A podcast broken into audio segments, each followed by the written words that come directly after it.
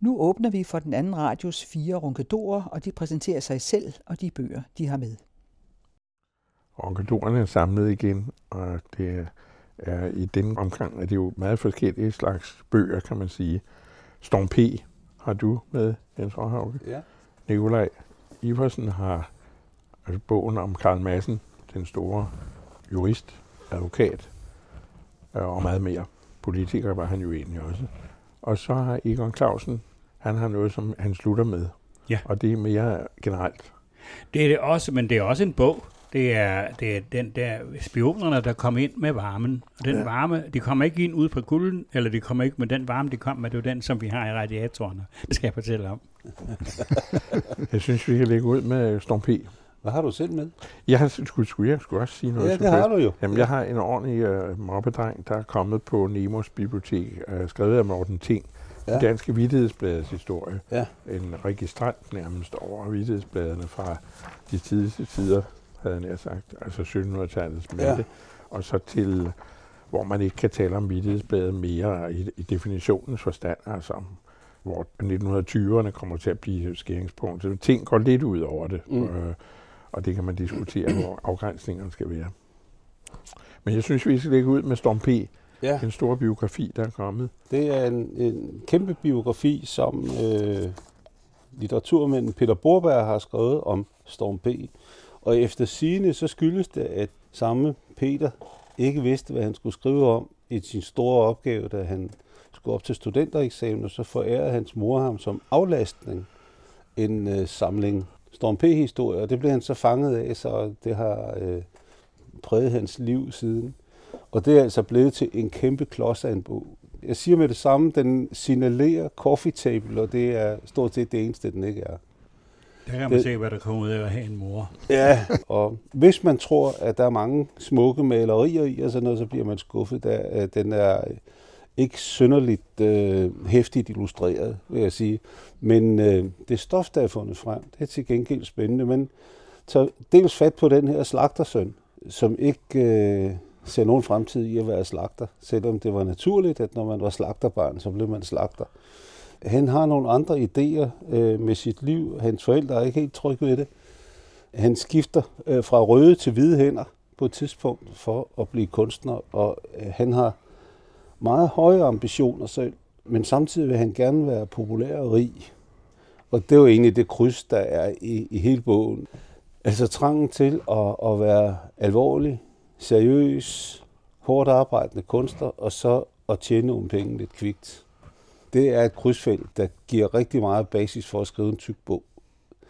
Og man kan jo se det, når man øh, ser det merchandise, der ligger i forlængelse af, af Storm P.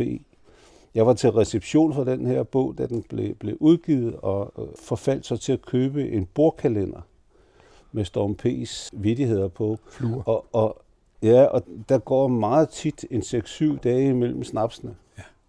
Nogle af dem er virkelig langt ude, men, men øh, der er tegningerne så til gengæld. De, de er normalt morsomme, men, men han har været meget produktiv, men han har haft det ligesom en del andre produktive mennesker, at øh, selvkritikken har ikke været øh, overvældende. Han skulle jo også hele tiden producere. Ja, man skulle producere hele tiden. jo. Og, og han producerer til, til alle, der vil have hans tegninger. Så det er den ene side af ham, altså det, hvor, hvor jeg synes, det er spændende, at, han, at det der dilemma bliver præsenteret meget grundigt i bogen. Så er han jo også på mange måder en kvindebedår. En af de ting, han har mest ud af sit slagterliv, det er, at han møder Lydia i en naboslagterbutik. Der går forskellige øh, snak om, hvordan han møder hende. Enten er han derovre i et øh, ærende, eller også så er han derovre i et andet ærne. Øh, under alle omstændigheder, så møder han Lydia, som er øh, betragteligt ældre end ham, og det bliver et meget hæftigt kærlighedsforhold, som er i mange år. Og nogle af hendes breve til ham er gengivet, og det er simpelthen en liderlighed, som man sjældent ser den, hun udtrykker, og den bærer han så på sig med glæde, ser det ud til. øh, men øh, på et tidspunkt bliver aldersforskellen så stor, så han begynder at kigge sig om efter andre. Men han er, er er på den anden side trofast over for hende, indtil hun forlader øh, det her sted, hvorefter han hurtigt gifter sig med hende, han har forelsket sig i bagefter. Og så er hans politiske liv, som jo driver vidt, altså blandt andet hans kraftige fløten med, med Tyskland øh, i, i 30'erne, 40'erne, hvor det er svært at se, om det virker ikke som om det er ideologi, men snarere et udtryk for, at han meget, meget gerne vil have sine tegninger ud, have, have sine ting trygt på et større marked end det danske. Og det betyder altså, at man bliver lidt øh, følgagtig kan man sige, over for nogle af de politiske strømninger syd for grænsen. Det er der også gjort eminent rede for. Og det ændrer ikke noget ved, at, at en af de stærke sider ved ham er hans sociale engagement. Altså en af, af de hæftigste citater i bogen, det er jo hans, øh, da han står over for, for et fattigt barn, der, der ligger, og hvor en vagabond siger, ja, alle kan jo ikke være så heldige at blive født i en krybe. Og der fanger man på en eller anden måde der, hvor, hvor han er stærkest. Tiggeren, ja, hvor den rige mand siger til tiggeren, jeg giver aldrig til folk, der tigger på gaden. hvor til tiggeren siger, tror herren måske, jeg har kontor. det, det. Og de er ret, altså der har han nogen, de der sociale ting, som er skarpe. Så jeg vil godt lige nævne, at han jo også er oliemaler, og et af hans berømte malerier, det er det fra vugge til krukke, eller fra vugge til grav, og den her bog er bygget over den samme liste. Man følger ham kronologisk. Men en af de morsomme ting, var Niveau Gårdssamlingen havde øh, en øh, stor udstilling af ham for et halvt års tid siden. Og den ene sal var fyldt med malerier, som var bestilt af børnebiblioteket i Esbjerg, hvor Storm P's billeder fylder det hele, de er voldsomt spændende. Og en af de ekstra spændende ting, det er, at øh, målene på hans malerier ikke helt passede til væggene, så derfor er nogle af dem af malerierne skåret op, så den, så den ene øh, tredjedel hænger på en væg, og så de andre to tredjedel kommer på den næste væg. Og det giver en fantastisk virkning, fordi øh, det viser jo på en eller anden måde, at verden kan sammenstykkes på mange måder. Det var helt forunderligt at se de der. Jeg har kun set det en gang tidligere, da den danske konge havde købt forkerte lærere i i Paris og på Frederiksberg Slot i sit sovekammer har alle lærerne båret om hjørnerne på i sovekammeret, fordi han havde målt forkert. Men Storm P-bogen her er helt formidabel. Man skal sidde op og læse den. Den er for tung til sengelæsning, men det er simpelthen en guldgruppe af portrættering af en meget facetteret ja, dansk jeg, kunstner. Jeg har, jeg har fornøjelsen at læse øh, i min avis, øh, der er en flue hver dag. At det er fluer, det er dagens ja. flue. Ikke? Ja. Det er en eller to personer som regel. Og, og så er der sådan en overveksling. Ja. Og som du siger, at øh, indimellem er der langt mellem snapsen, og det er rigtigt. Der er sådan nogle af dem, de er faktisk ikke særlig morsomme. Og jeg tror ikke engang, de var morsomme dengang. Mm. Men nogle af dem, de er simpelthen guddommelige. Ja. Altså, det er simpelthen ja. så morsomme. Ikke? Altså, manden, der siger, kan du ikke ringe til mig? Nej, siger han så, jeg har ingen telefon. Nå, fint, du, så ringer jeg til dig. ja, ja. og, og det var jo det, han kunne. Altså, det, det lavede det der fuldstændig øh, vanvittig, øh, absurd simpelthen. Ja, ja. Teaterdirektøren, teaterdirektøren, der siger til skuespilleren, gagen er ikke særlig god, men efter tredje akt er der ægte hvidkålssuppe. men, altså... men det er jo ret, der, det er jo ikke nok, at der kan være langt, eller ikke, jeg synes ikke, der er langt mellem snapsene. Jeg synes, man skal huske, at når man, ja, der, der, der kan gå nogle gange, hvor der måske ikke er noget, men man skal også huske, at han er barn af sin tid, og vi er barn af vores. Og det vil mm. sige, at der er nogle af dem, vi ikke øh, umiddelbart kan forstå, fordi vores hånd har ændret sig, men det er en hentydning, og en, øh, det kan være en eller anden form for inddragen af en begivenhed i samtiden, som vi bare ikke har forudsætninger for. Det kan jeg huske, når jeg talte med de rigtig gamle i familien om det. Nå, men det var jo det, det hentydede til. Det er det ordspil, det kommer af, og det har vi ikke øje for i dag. Og der tror jeg, at der, der bliver en større og større afstand. Jeg har lige haft en mindre konflikt med min kulturredaktør på Information. Og der var det helt klart, at øh, den form for humor er, er vanskelig.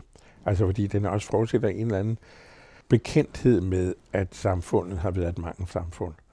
Altså, er det sjovt, at de skal spise hvidkålsuppe efter tredje akt?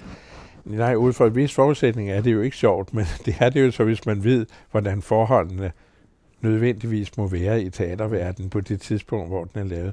Og dermed bliver den almen også. Ikke? Det tror jeg, man må se i øjnene, at det gælder alle generationer, at der bliver nogle andre referencer. Og så har vi nu også fået at vide her, at Nikolaj, han læser en avis, der bringer, må jeg sige, næsten nyheder eller kulturstof, som er 50-70 år gammel. Det anede man nok, Nikolaj.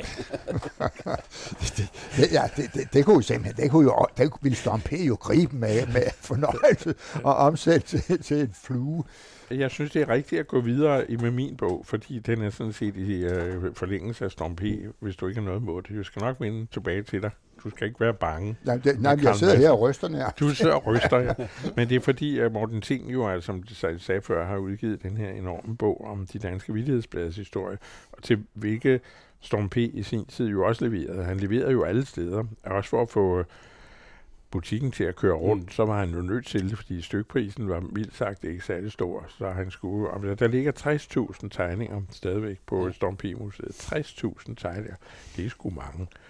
Men øh, Morten T. har så taget fat i øh, det begreb, der hedder vidtighedsbladene, og som har haft en ret stor plads i den danske tradition, kan man sige.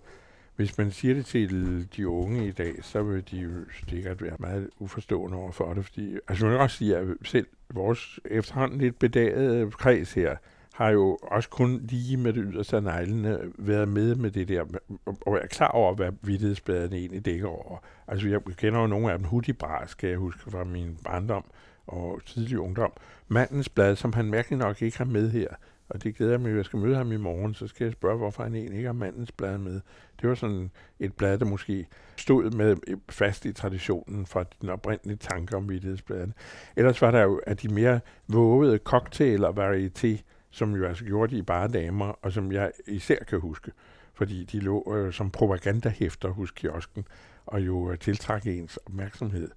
Og der galt det om på en eller anden måde at få en undskyldning for at købe sådan nogen, men det, det lykkedes sjældent uden Men der var ikke meget at grine, Nej, der var ikke ret meget. Nej, det var der nu alligevel. Ja. Altså, der var, ja, det ved jeg ikke, det er ja, noget, jo, jeg der, jo, der var, jo, der var vidigt. Der var vidigt. Nå, det var, ved du det fra, men det, det var der. Ja, det, ja, det, det, det, vil jeg godt, det vil jeg godt fortælle, den der historie.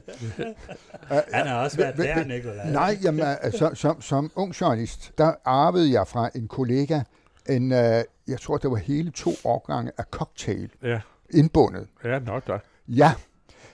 Det, der var det kedelige ved det, det var, at der var klippet mange huller rundt omkring i siderne. Og det var ikke for at klippe damer ud, men det var fordi, der var vidtigheder i. Og de vidtigheder havde han klippet ud, fordi han bestyrede bagsiden på den der avis, hvor der altid var en spalte med vidtigheder. Og, og, og vidtighederne var almindeligt dumme vidtigheder. Det var ikke specielt vågede vidtigheder, men dumme vidtigheder nu mener jeg ikke, at det er sjældent vidtigheder er morsomme. Altså, fordi det, der er morsomt, det er anekdoter, ikke? Altså, vidtigheder, det, det, det er sådan noget underligt noget. Men så, jeg, jeg kender meget til det cocktail. Det var meget beklageligt, at der også var klippet ind i nogle af damerne. Ja, det er jo det. Og også nogle steder, hvor man godt ville have kigget lidt nærmere. Men, men Nikolaj, det giver altså sandheden af det gamle ord, uden saks og klister, ingen journalister. Fuldstændig rigtigt. Jeg er jo en af de i den generation der. det kan du regne. det Morten Ting gør med bogen, det er jo, kan man sige, ud fra en sådan historikers betragtning, der er det jo en registrant, han laver over de her vidtighedsblade, men altså heldigvis meget underholdende skrevet, men det er meget grundigt, og der er også en forklaring hver eneste gang, hvor lang tid de kom, hvor hyppigt de kom, hvem redaktørerne var, og hvorfor de gik ind, og så er der selvfølgelig eksempler, og der er mange illustrationer i bogen, beundringsværdigt mange illustrationer, som han har hentet rundt omkring fra. Og jeg, jeg er meget glad for publikationen, fordi jeg tror, den får indflydelse fremover i historieskrivningen. Hvis I lægger mærke til det, det gjorde jeg i hvert fald. Jeg tog mine fremstillinger af Danmarks historie ned fra hylderne, da jeg skulle anmelde den her bog. Og øhm, så, at det er næsten altid de samme, der bliver gengivet. Det er næsten altid de samme tegninger. Det er næsten altid de samme citater, hvis I lægger mærke til det. Næsten altid. Og der er denne her en rig anledning til at få øh, fornyet illustrationsmateriale. Altså en opfordring til, vil det være den her bog, til historikerne at gå ned i de her vidtighedsblade og finde nogle andre indfaldsvinkler til de begivenheder, de jo også skildrer. Fordi det er jo det, de gør. De prøver så godt de kan. Under censuren skal de jo virkelig hoppe rundt på tungen en gang imellem for at få et eller andet sagt. Kendtest af dem alle sammen er vel for alle, der har gået i gymnasiet og har beskæftiget sig med kirkegård, jo Korsaren, det blad, som Maja Aaron Goldsmith udgav hvor man kan sige, at Kirkegaard virkelig stødte sig på bladet, fordi han var så uforsigtig at provokere Goldsmith Kirkegaard jamrede over, at han aldrig var fin nok til at blive nævnt i korsaren. Og det gjorde han sådan lidt på skrømt og for sjov. Og så tænkte Goldsmith, så skal han fandme få. Og det fik han så også, så han jo til sidst krøb langs øh, husmurene. Goldsmith gjorde det dels, fordi han fik den opfordring, men også fordi øh, Kirkegaard irriterede ham. Han synes, at han skrev øh, Panettengrynet, og at det var mange af de problemstillinger, han stillede op, var fuldstændig overflødige og åndssvage. Så der var også et indholdsmæssigt synspunkt øh, over for, for Kirkegaard. Det var det berømte, den her korsarstrid. Og da korsaren så går ind, så går den kun lidt ind, fordi den kommer igen i en anden udgave, og så kommer den i en tredje udgave i vores egen tid nemlig da vores gamle, for længst afdøde kollega Niels Ufer tager det op. Ellers er det en helt række blade, som de færreste kender. Måske er der nogen, der har læst historie, der kender Ravnen, og den kender, kendte vi i min familie vældig godt, fordi den var meget antisemitisk, og den var ikke særlig elsket i, øh, i, i vores familiekreds, som ellers var forholdsvis humoristisk anlagt. Det, der jo kendetegner mange af disse blade, det er antisemitismen, som går igen. Den lille antisemitisme, kan man sige, men også ret smertelig for dem, det gik ud over. Det kan jeg huske fra mine gamle tanter. De var sgu ikke begejstrede for mange af de der tegninger. Det var stereotypen af jøden med den krumme næse og altid nære. Og det, det var næsten det værste, fordi er der noget, man i den borgerlige jødedom ikke er, så er det nære. Der er man tværtimod generøs, fordi det er en mitsvar. Det er sådan en, en god gerning.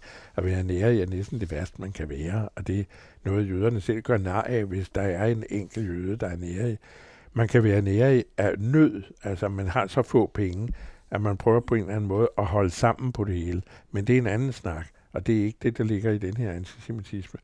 Men så er det også selvmodsigende, det her, fordi Ravnen for eksempel, det, det blad, det vidtighedsblad, der har mest antisemitisme og mest gennemført, det publicerer samtidig en løbende, altså det er en følgetong jo, en følgetong om Dreyfus-affæren, altså den affære, hvor en fransk officer bliver anklaget uretmæssigt og ender 12 år på Djævleøen for noget, han overhovedet ikke har gjort, med klar antisemitisk sigte.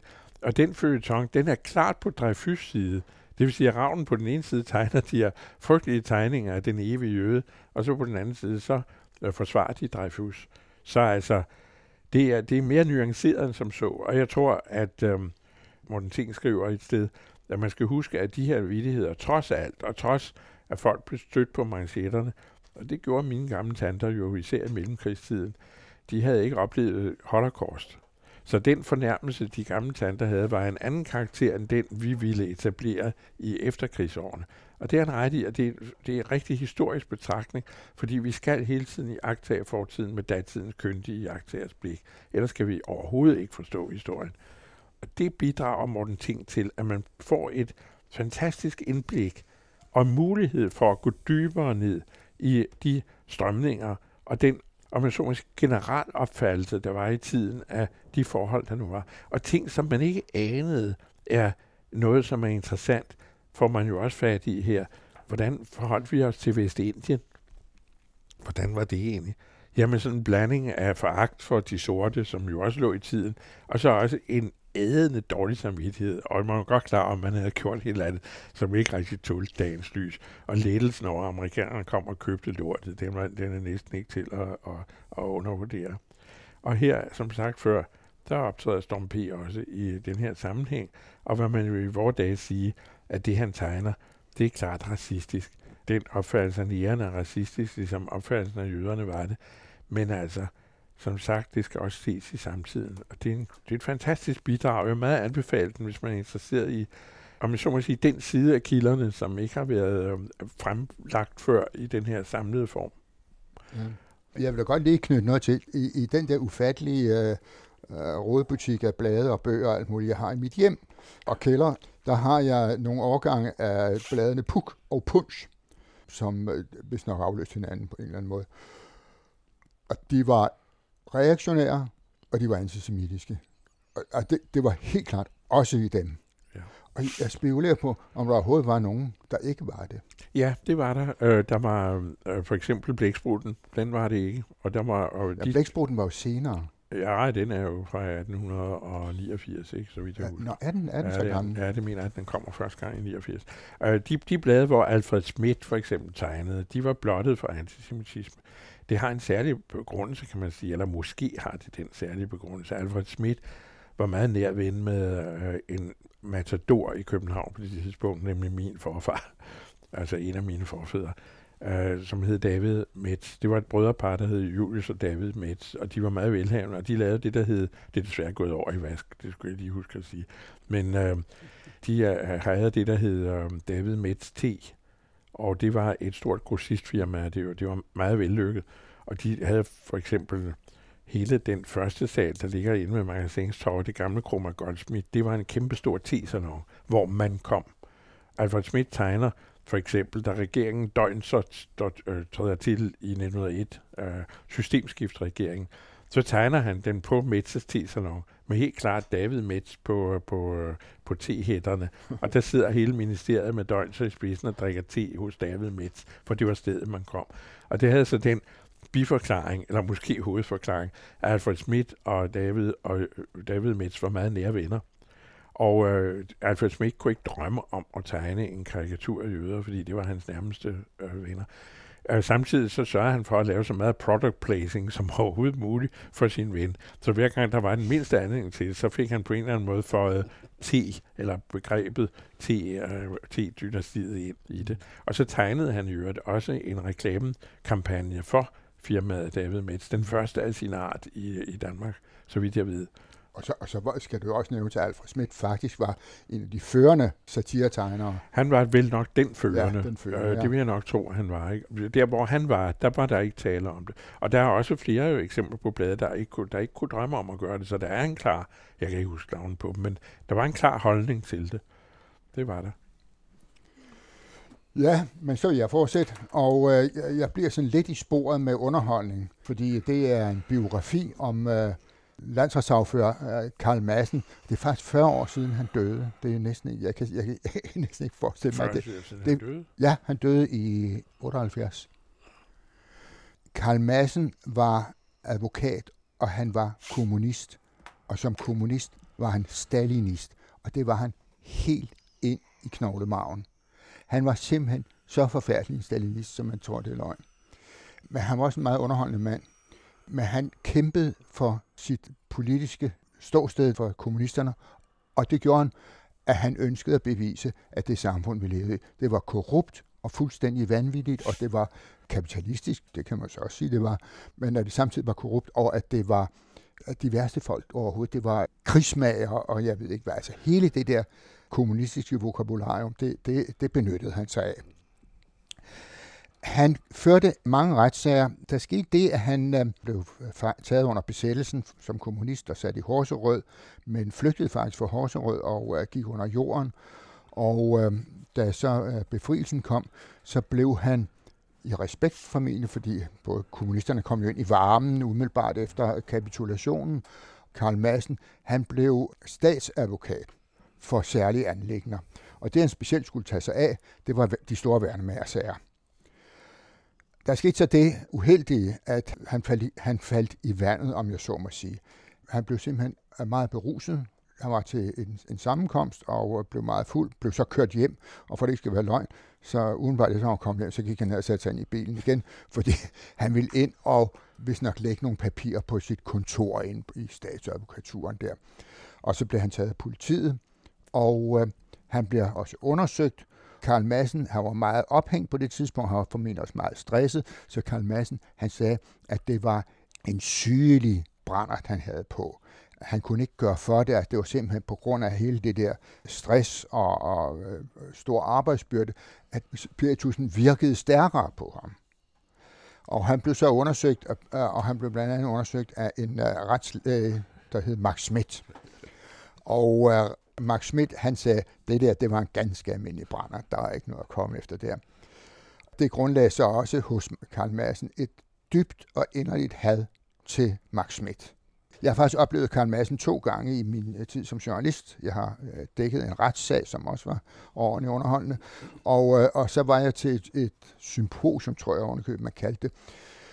Der var Rigsadvokaten med, og der var justitsministeren, som dengang hed K. Axel Nielsen, og der var alle mulige, altså simpelthen toppen af den juridiske verden, og juridiske professorer fra Aarhus og København, og så var Karl Madsen der. Og så en masse journalister. Og så stillede Karl Madsen sig op, for han ville godt sige noget om overlæge i retsmedicin. Max Schmidt. Og så sagde Karl Madsen, denne Max Schmidt er et ualmindeligt ubehageligt menneske. Hvad han har gjort af ondt mod andre mennesker, kan næsten ikke fortælles. Han er løgnagtig, og han er befamlende, og han har overtrådt sine beføjelser indtil adskillige gange. Han er simpelthen et uselt menneske, som aldrig nogensinde burde have det job. Han er det værste, man overhovedet kan forestille. Og sådan fortsatte han faktisk et stykke tid med at sige ting. Og så trak han vejret dybt, og så sagde Karl Madsen, ak ja, der kunne siges meget om denne Max Schmidt. Og så, alle så, altså, jeg, jeg, jeg, jeg kunne se, justitsministeren, han og presset sig tilbage i stolen og måtte simpelthen undertrykke et grin, ikke? Og det, sådan var det hos de fleste af de der, det skulle ikke grine af Max Schmidt, men man kunne simpelthen ikke forestille sig, at der kunne siges mere om, om denne Max Schmidt. Nå, Karl Madsen, han røg sig ud, og så, så fik han vel egentlig nok som en slags plaster på såret, så fik han benefice ved de københavnske retter. Beneficeret, det vil sige, at han får rettighed til at føre sager for, for straflovsovertrædere. Og det tog han imod, og det uh, levede han i et vist omfang, levede han jo meget af det, og så også, han senere kom til at skrive bøger osv. Men uh, for ham var retssagerne, nu vil jeg godt sige det meget groft, i virkeligheden var han ret ligeglad med, om han vandt dem. Fordi for ham var retssagerne, drejede sig kun om en ting, det var at afsløre det korrupte kapitalistiske samfund. Det var øh, for, øh, egentlig ikke ret mange, øh, jo, han, selvfølgelig vandt han retssager, men han tabte ufattelig mange retssager. Også fordi det var sådan nogle håbløse sager, men han tog dem, fordi han jo godt kunne se, at der var muligheden for at udstille og sådan noget. Og så evnede han jo også at injuriere alle simpelthen. Politi, dommer, alt altså virkelig sige øh, ting om dem, fordi han ønskede, at de skulle anlægge en jurisag. For når så de havde anlagt en jurisag, så kunne han jo trække vidner ind for at kunne dokumentere. Og som han selv sagde, jamen det kan da godt være, så må jeg nok ind og sidde nogle, nogle måneder øh, efter sådan en sag. Der. Men tænk, hvad jeg har fået sagt. Så. Altså, det, det betød meget for ham. Der er sådan en anekdote om, at øh, Karl Madsen, han øh, tit blev i retsat af dommeren, og øh, så var der en dommer, der sagde til ham, landsretssagfører Madsen, de skal have respekt for retten. Hvor til Karl Madsen så replicerede, nej, herr dommer, det skal jeg ikke. Jeg skal udvise respekt for retten. Øh, han fik nogle børn, og øh, børnene havde egentlig ikke ret meget godt at sige om ham. Hans datter udtrykte det på den måde, at han og konen, de havde intet begreb om pædagogik. Og øh, der er også i den her biografi om Karl Madsen øh, også en skildring af, hvordan han øh, overfor et plejebarn havde fundet en, en 14-årig pige, havde fundet hendes dagbog frem, hvor hun er sådan betroet sig. Og så sad han ved bordet og læste højt af den. Og så hånede han hende, mens de andre var der. Og Søren Søltoft Madsens, hans ældste barn, krympede sig ved det, og synes det, og det var, var, var slag for ham, at han havde meget svært ved at forlige sig med, med, med en, en far, der kunne finde på at sige sådan nogle ting.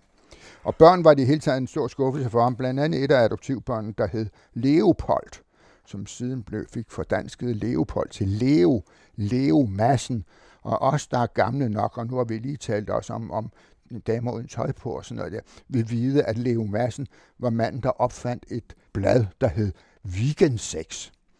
Og han var simpelthen sådan en pornokonge og han døde i en ung alder, og hvis der var noget, Karl Madsen ikke brød sig om, så var det pornografi. Altså, der var han jo rigtig ægte, øh, altså det der puritanske kommunist. Han synes, det var forfærdeligt, og han kunne ikke få ligesom Men det endte jo med, at han brød med partiet, eller partiet brød med Det kommer ham. vi til. Okay. Der sker jo det, at uh, han var meget tro mod, mod Moskva og mod Sovjetunionen. Men der skete jo forandringer også i Sovjetunionen så, så vil han ligesom holde fast i det gamle kommunistiske, stalinistiske system. Men det passer jo rigtig godt. Der kommer så en sag med en, en formand for fyrbøderen, der hed på Richard Jensen hed han, at bevise, at han ikke havde været med til at lave nogle, øh, nogle, nogle sabotagehandlinger op i Frederikshavn under besættelsen. Og øh, det ønskede kommunisterne ikke, at det kom for dagens lys, fordi de ville nemlig godt have, at, øh, at der var nogen, uenighed omkring det. De vil godt have, at man fastholdt, at ham der, Richard Jensen, var en forbryder, hvad han i øvrigt ikke var. Men det er så en anden sag. Men han kom så til at bryde med, med partiet, og så vil jeg godt lige læse op, hvordan han betegner Axel Larsen, som jo var formand for kommunisterne, da han var kom på kant med dem. Axel Larsen var anderledes. Målbevidst, men magtsyg. Begavet, men intrigant og hadefuld. I det små overskuelige viser tilfældet Axel Larsen os, at persondyrkelse ikke alene er en æstetisk modbydelighed, men dødsens farlig. Den gjorde det muligt for en følelseskold psykopat, en hensynsløs karrieremær, en narcissist og en forbryder, der om fornøden ville gå over lig, som Axel Larsen, at beherske vort lille kommunistiske parti og skade det i årtier fremover. Goddag, herr formand, ikke? Altså, det var, det var godt nok noget. Det var altså øh, hensigten hellig af midlet, sådan var det for Karl Madsen. Han blev uvenner med stort set alle inden for det kommunistiske parti, og til sidst blev han øh, smidt ud.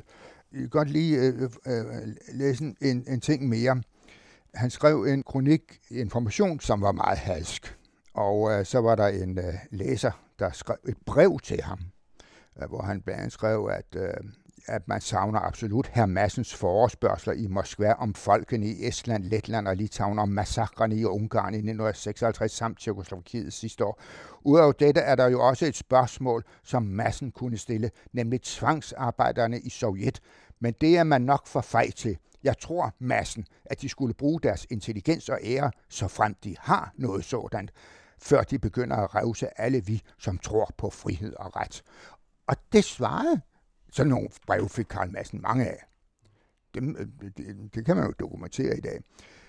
Men der svarede han så, jeg har modtaget deres uvenlige brev, og jeg kan fortælle dem, at jeg dagligt modtager en masse breve om min nederdrægtighed og æreløshed.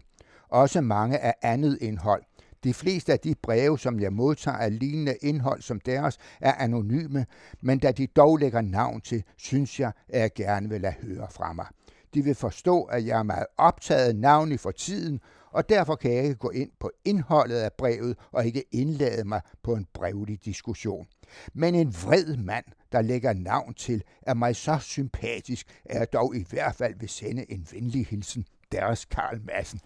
Det, det er jo flot sådan noget, ikke? Altså, det er jo, hallo, ikke?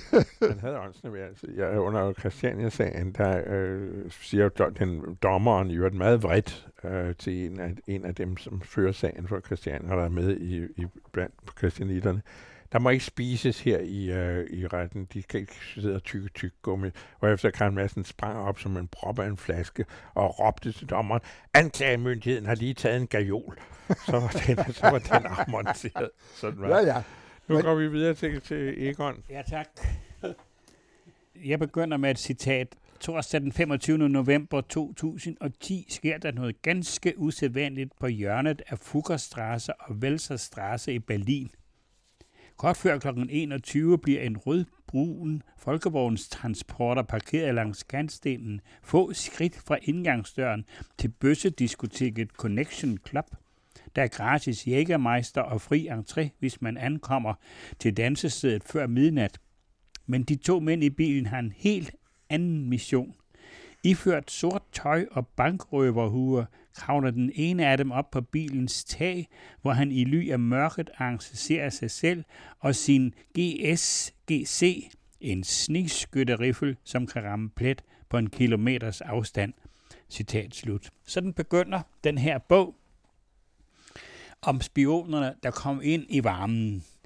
Når jeg tager det her citat frem, så er det noget at fortælle noget om, at den, den er skrevet næsten som en krimi meget bredt fortalt og med mange detaljer, for eksempel det her med, at bilen var rødbrun, og der er fri entré ind til kl. 24, og vi ved jo ikke, om det er noget, som får betydning for det, der bliver sådan, det der sker senere. Det er jo krimiens gåde. Mm, men det kunne jo være, nu bruger forfatteren her desværre ikke det der mere, fordi det er bare nogle sikkerhedsagenter, der kommer, fordi Putin han skal altså have et møde, og det, bruger, det holder det inde på den der bøssebar. Men jeg vil lige opholde mig lidt ved den øh, stil, som den her bog den er skrevet i. Jeg kunne, man kunne kalde det en narrativ nonfiction. Jens Høvsgaard, der har skrevet den, han er jo journalist, Og helt klart, han har et stof, som han ønsker at formidle til et meget bredt publikum. Så han skriver om storpolitik, som om det er en krimi, hvad det måske også er. Bogen handler om noget så tørt som gasforsyningen til Vesteuropa, både den, der kommer fra borefelterne i Vesterhavet, og den, der kommer fra Sibirien, og som ledes i undersøgelske rør på bunden af Østersøen. Derfor er salget af Dong og forholdet til Putins Rusland centrale del af den her fortælling. Og vi får, som jeg sagde før, mange detaljer med. Vi får fortællingen om Putins opstigen og de der frygtelige attentater, der var i Moskva, og som ifølge den her bog sandsynligvis er planlagt og udført af Putins egne folk. Men vi får også historien om, om øh, kejserinde Dagmars lig, der bliver flyttet fra Roskilde til St. Peter, blandt andet ved hjælp af Fritz Schur, og en afdanket russisk prins. Og det, det er for, at Danmark skal indønde sig og få de der forhandlinger om den der gasledning. Og vi får også fortællingen om salget af Dong, som jo også kommer ind, og som skal skjule Fritz Schur, han har et eller andet for sig, og hvad det er, det er jeg ikke klar over, men han ender med at blive kammerherre. Fordi han er virkelig en, der forstår at fedte sig ind øh, hos de kongelige. Og alle de der historier får vi, men det centrale, det er, hvordan Putin og en gruppe af tidligere KGB og Stasi-agenter har bestukket og afpresset politikere helt op til statsministerniveau i Sverige, i Finland, i Tyskland og Danmark. Det er en rystende historie. Og den er jo så utrolig vigtig og central for at forstå noget af det, der sker i vores dage. Jeg har så også læst, at der er nogle faghistorikere, som ikke bryder sig om den her bog, og det kan jeg sådan set godt forstå. Men det er ikke forskning, det er formidling, og det er to vidt forskellige måder at fortælle det samme stof på, og jeg synes, at journalisten skal også have sin ret. Øhm, men er der nogen af jer, der kender den her bog? Har I hørt om den? Det, jeg tror, jeg har læst om den. Du har læst et ja, eller andet ja, sted. Ja, har du været så heldig at læse ja, om ja. den? Fordi den er jo næsten øh, blevet overset. Altså, øh, den er blevet anmeldt i politikken, ved jeg, men øh, jeg har i øvrigt ikke set, hvor den er blevet men det er jo sådan, at den slags litteratur, som vi sidder med her på bordet, får mindre og mindre interesse fra øh, vores øh, masse mediers side. Aviserne anmelder det færre og færre, og hvad der er endnu værre, det er, og nu kommer det så til den rigtig alvorlige del, det er, at vores folkebiblioteker også svigter her. De køber de køber næsten ikke, og de har fået indført et system med en øh, centraliseret øh, beslutningsproces omkring indkøb af bøger, som øh, har medført, at den almindelige bibliotekar, der står ude ved hylderne, og som vi nok kender alle sammen sådan en, der var interesseret i bøger osv., den almindelige bibliotekar skal ikke længere, har ikke længere en forpligtelse til at tage stilling til, hvilke bøger, der skal indkøbes til hans eller hendes bibliotek. Det medfører, at den almindelige bibliotekar heller ikke længere har en forpligtelse til at følge med i, hvad der udkommer. Og det betyder, at det faglige niveau blandt bibliotekarerne, det daler. Det er helt tydeligt. Og samtidig med, så er bibliotekerne, de, har, de udfaser, som de kalder det, øh, faglitteratur. De har noget, der hedder litteratursiden DK, som er sådan en oplysning om forfatter og bøger. Og der har jeg stået i mange år. Og så skulle jeg ind og kigge forleden der, og kunne se, der, der er simpelthen gået flere år siden, og der er støv på de der bøger. Det er slet ikke væsentlige, centrale bøger i mit forfatterskab.